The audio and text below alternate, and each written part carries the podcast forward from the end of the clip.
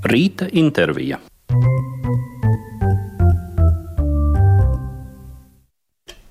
Klasikas studijā šajā sestdienas rītā joprojām Anita Ašmana Vilsone un Mārtiņš Ozoliņš. Un kopā gaidot mūzikas balvu un, protams, ieskatoties arī Mārtiņa radošajās aktualitātēs, mēs vadīsim šo pusstundu vēl.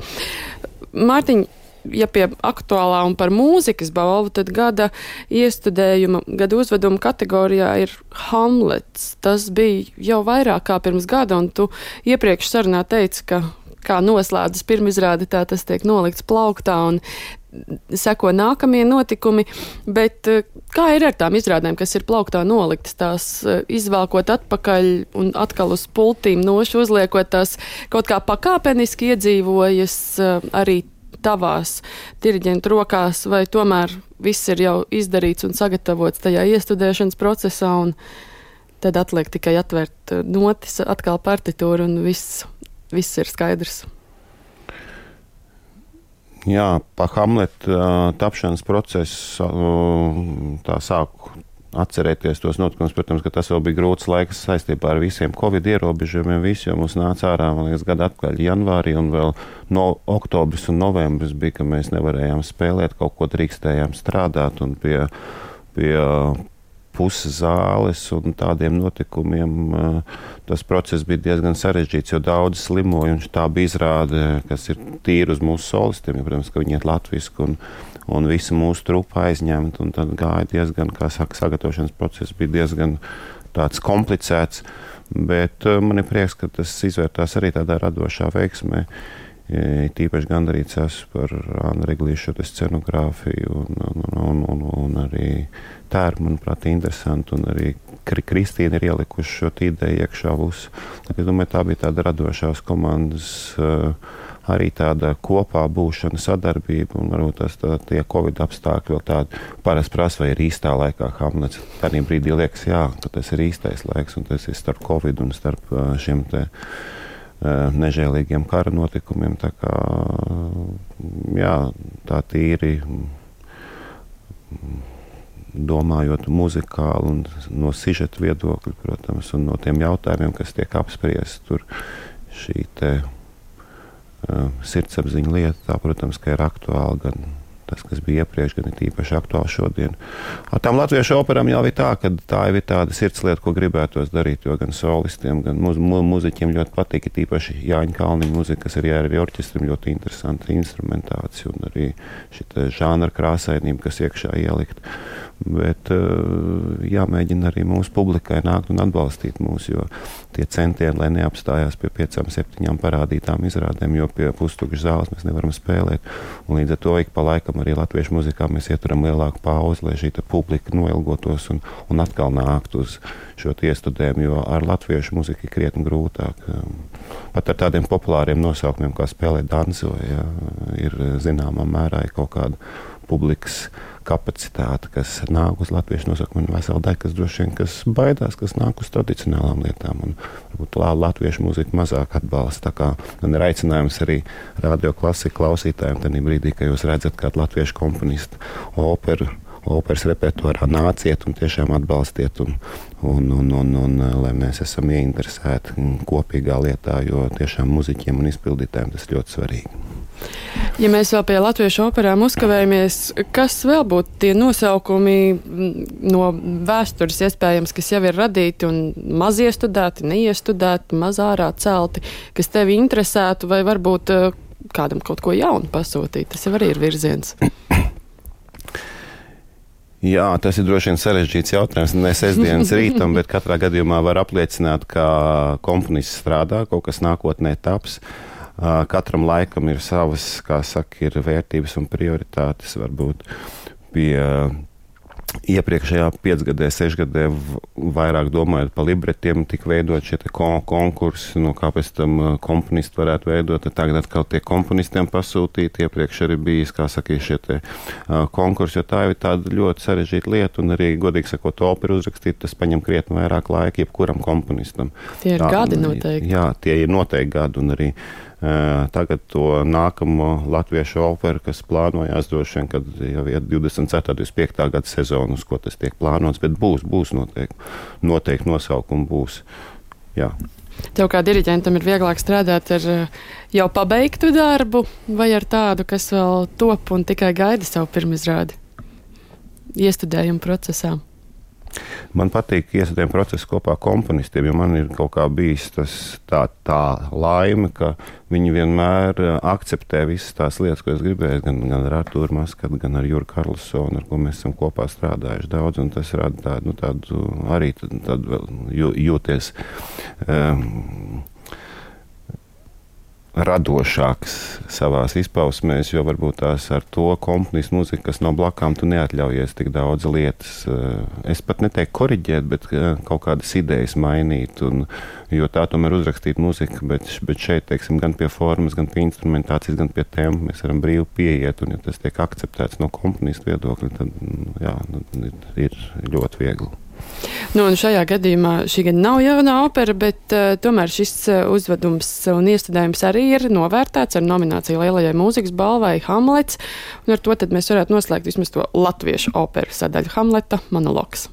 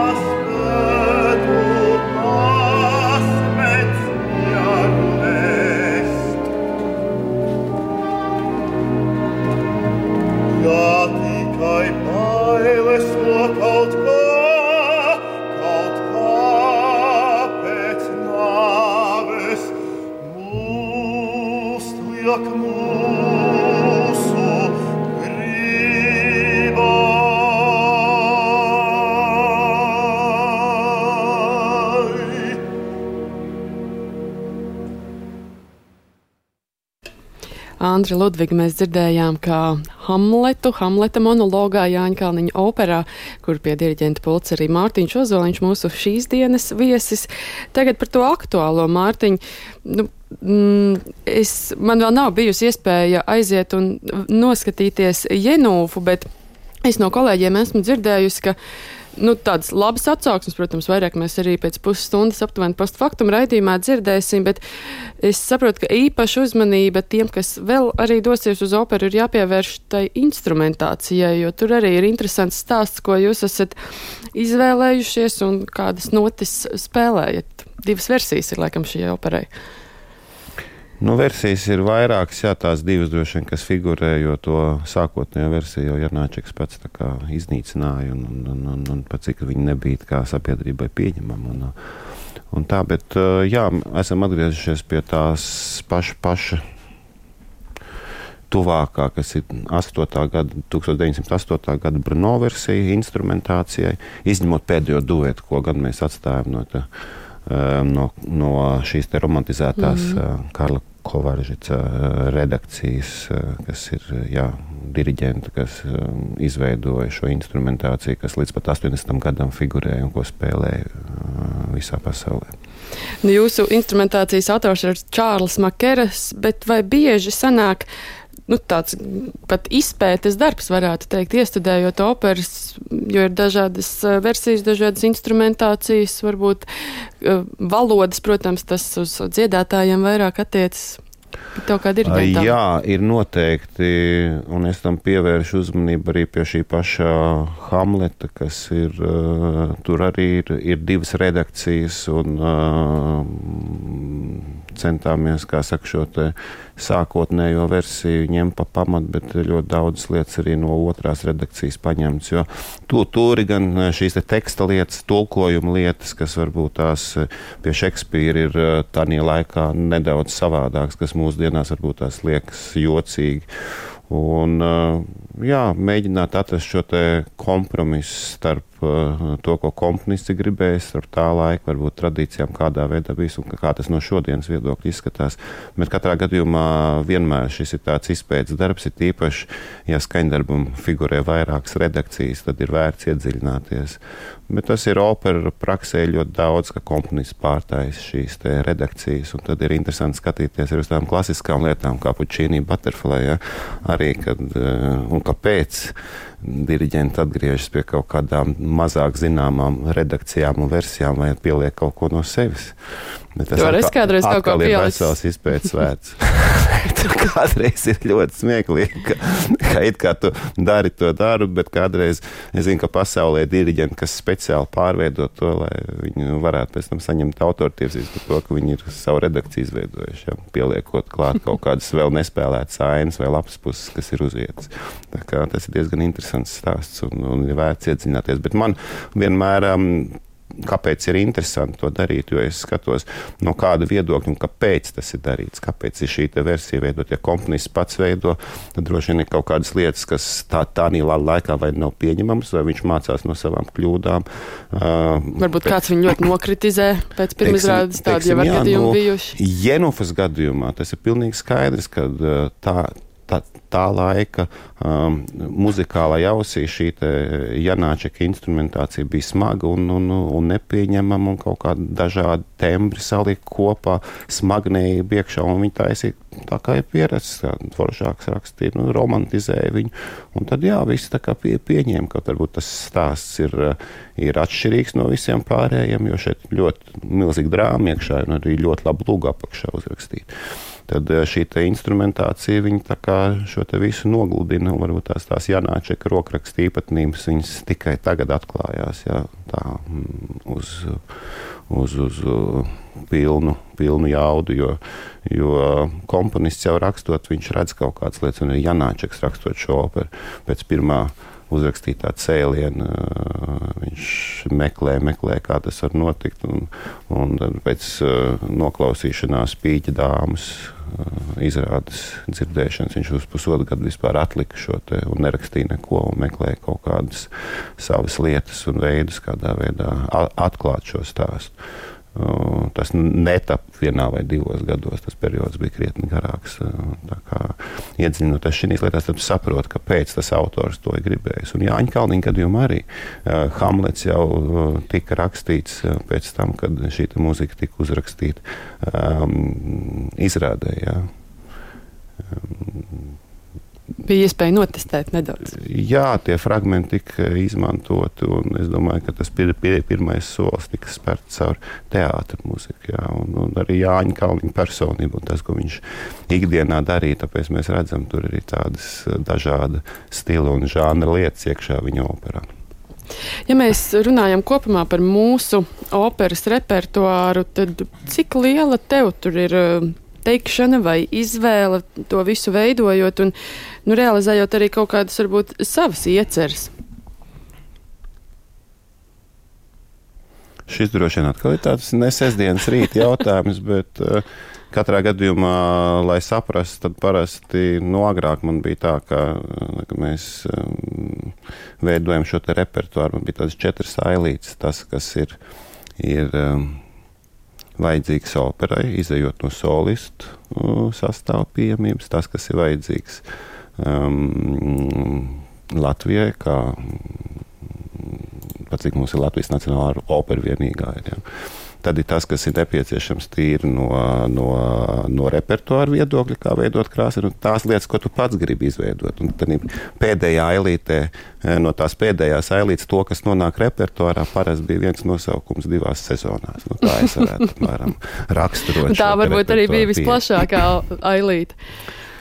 Tā bija, es domāju, ka visraibākā elite, jo, jo tur bija daudz lietas tādas, ko varbūt tās ikdienā um, tāda um, klasiska operas publika varbūt tās neapmeklē, bet tur pilnīgi noteikti arī bija Janāčeks un Pulenks iekšā un Stravinskis un, un Šostakovičs. Tā kā tāda varbūt tās neakademiskāka, um, nu, nevis neakademiskāka, bet netik ierasta operas um, nosaukumu un, opusi.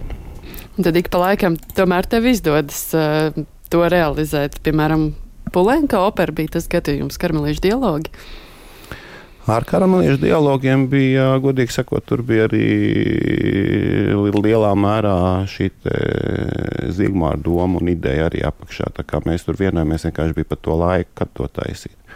Bet bija uh, pilnīgi noteikti Stravinskis, kas bija Reikas progress. Tas bija man jau sen stāvēja. Arī nu, daudz vēl ne, nerealizētas lietas, kas ir. Bet, uh, bet tas ir diskusijas jautājums. Un, un kā jau saku, ir šis te kā malks svaigs gaisa, līdzīgi kā ar Janāčeku, ir, ir uh, orķestrim solistiem un arī publikai ir nepieciešams reiz, reiz divos gados kaut kas tāds, kas atšķirās no ierastā. Tas, es domāju, ka tas ir veids, kādā arī nu, jāskatās lietām, jo vairāk, diemžēl, mēs nevaram atļauties ne, dēļ budžetiem, dēļ, ne arī dēļ visām citām lietām, kas ir. Bet uh, šis viens iesudējums divos gados, man liekas, ir tāds optimāls. Un kāds ir Adrians Lekubrērs stāsts? Tā arī ir šajā sezonā gaidāma pirmizrāde jūnijā. Tā būs brīnišķīga atkal satikšanās ar Vincentu Busāru, kurš ir uh, operas karmelīšu dialogu režisors. Tas ir viens no tiem režisoriem, kurš tiešām fantastiski strādā ar, ar dziedātājiem, ar muzeķiem, uh, spēja atklāt uh, to, ko viņš vēlas. Un šī sadarbība, es domāju, tā, kas um, ir par iemeslu, ka viņš atgriežas vēlreiz mūsu operā. Un, uh, Mēs ar nepacietību gaidām un re rezultātu skatīsimies. Šīs ir absolūti atšķirīgas uh, izrādes. Kā, uh, skatīsimies, kā tas uh, dzīvē notiksies. Bet, uh, jā, Adrianai Korērai uh, es arī novēlu varbūt tās uh, sasniegt savu publiku, jo uh, ir, protams, šīs teorijas, kas tur skan, bet arī tur jāatrod šī atslēga, lai uh, publika tas uzrunātu. Kāds ir tas operas iestudēšanas process? Nu, ja pirmizrāde šeit ir jūnijā, kad tu kā diriģents sāc gatavoties, jo tas ir nu, liels apjoms mūzikas, jaunas mūzikas, kas nav vēl, vēl iestudēta, nav vēl galvā un ausīs. Kā tu strādā?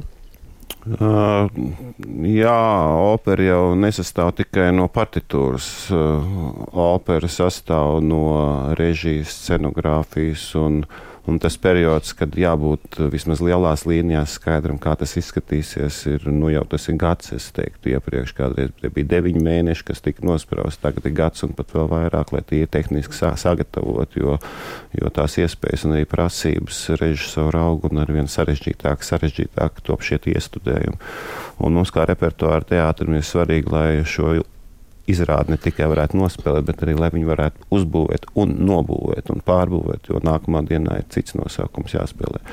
Un, um, līdzīgi kā Jenuf, kas tiek būvēta trīs dienas, divas nobūvēta, droši vien, ka šādi kā projekta teātris izpausmes ik pa laikam viņas būs, jo režisori iziet ar vien lielākām, lielākām ambīcijām, lai realizētu savas idejas.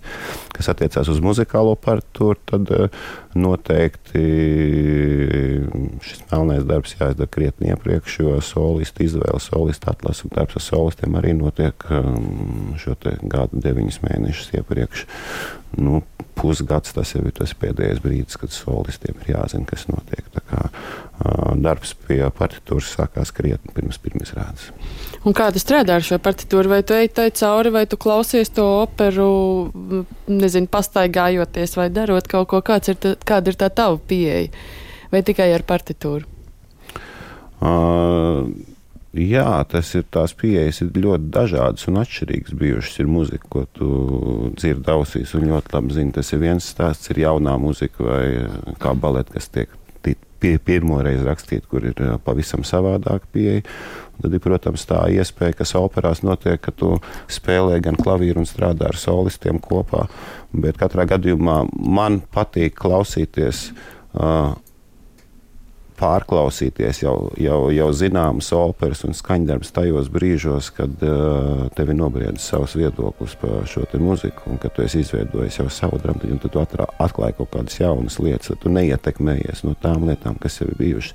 Tā kā es mēģinu pieturēties pie tās taktikas, strādāt pats ar partitūru notīm līdz tam brīdim, kamēr tā muzika uh, tevi saprotam pieņem, un tad tu vari klausīties un, un, un varbūt pieņemt kaut kādas idejas, ko nu, kāds ir interpretējis pirms tevis.